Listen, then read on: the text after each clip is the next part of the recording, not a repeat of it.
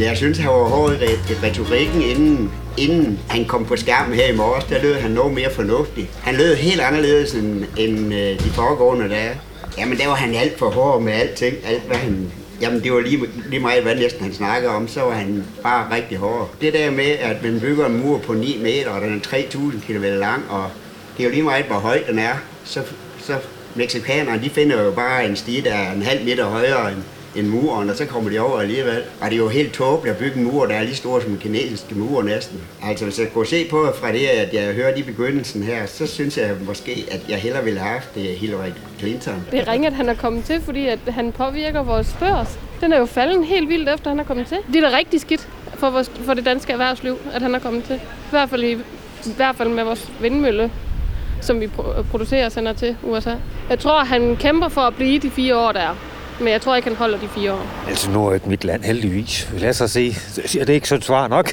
Måden, han udtaler sig på i det hele taget, ikke? Han tænker ikke, hvad han, han taler. Det, som han siger, det er jo mere eller mindre, at han vil have lukket Amerika af for alle andre, ikke? Både handelsmæssigt og, ja, og, ja, indvandring og han vil bygge en mur til Mexico. Han vil ingen uh, frihandelsaftaler, og folk skal straffes, hvis, uh, fordi de har flyttet firma til udlandet og så videre. Ikke? Det er sådan, det er sådan hovedlinjen i det, han, han hele tiden står for er, ikke? Men lad os nu se, hvad der sker. Han er meget kvindehadsk. Jeg kan ikke forstå, hvordan han er, han er blevet præsident. Ikke når han har sådan et syn på kvinder, det synes jeg er Han har et skræmmende. grimt syn på kvinder. Jeg synes, det er skræmmende, at han overhovedet kan blive taget seriøst af andre mennesker, også kvinder selv, der også har stemt på ham at de tænker, ja, det var bare, det var en ups, han sagde de ting og de ting, men han mener det jo dybt seriøst. Han har kommet med nogle rigtig, rigtig grimme udtalelser omkring nogle meget upassende udtalelser. Det er måske lidt upassende at sige her, hvad han har sagt. Han snakker ikke særlig pænt om minoriteter. Jeg synes, han er meget... Vi, plejer, vi kalder ham jo lidt Hitler i dag.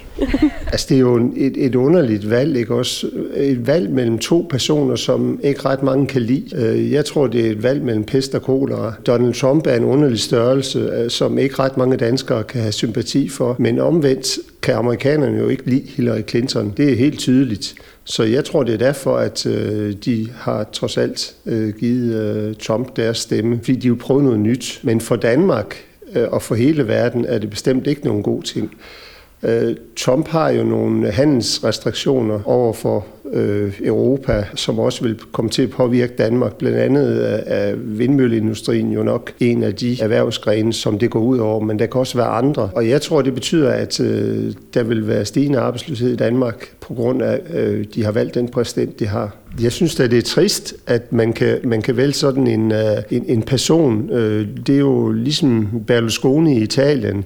En eller anden medie person. Øh, det er nærmest som en, en soap-opera, synes jeg. Jeg kan ikke lide den tendens. Jeg synes, politikere de skal være troværdige, og det er han bestemt ikke. Det kan han jo til synligheden. Det viser valget jo. Jeg er heller ikke nogen stor tilhænger af Hillary Clinton, men, men hvis det ikke kunne være anderledes, og demokraterne ikke kan finde en bedre kandidat, så havde jeg da foretrukket hende. Det lyder det også til, at stort set samtlige danske politikere også øh, vil have foretrukket.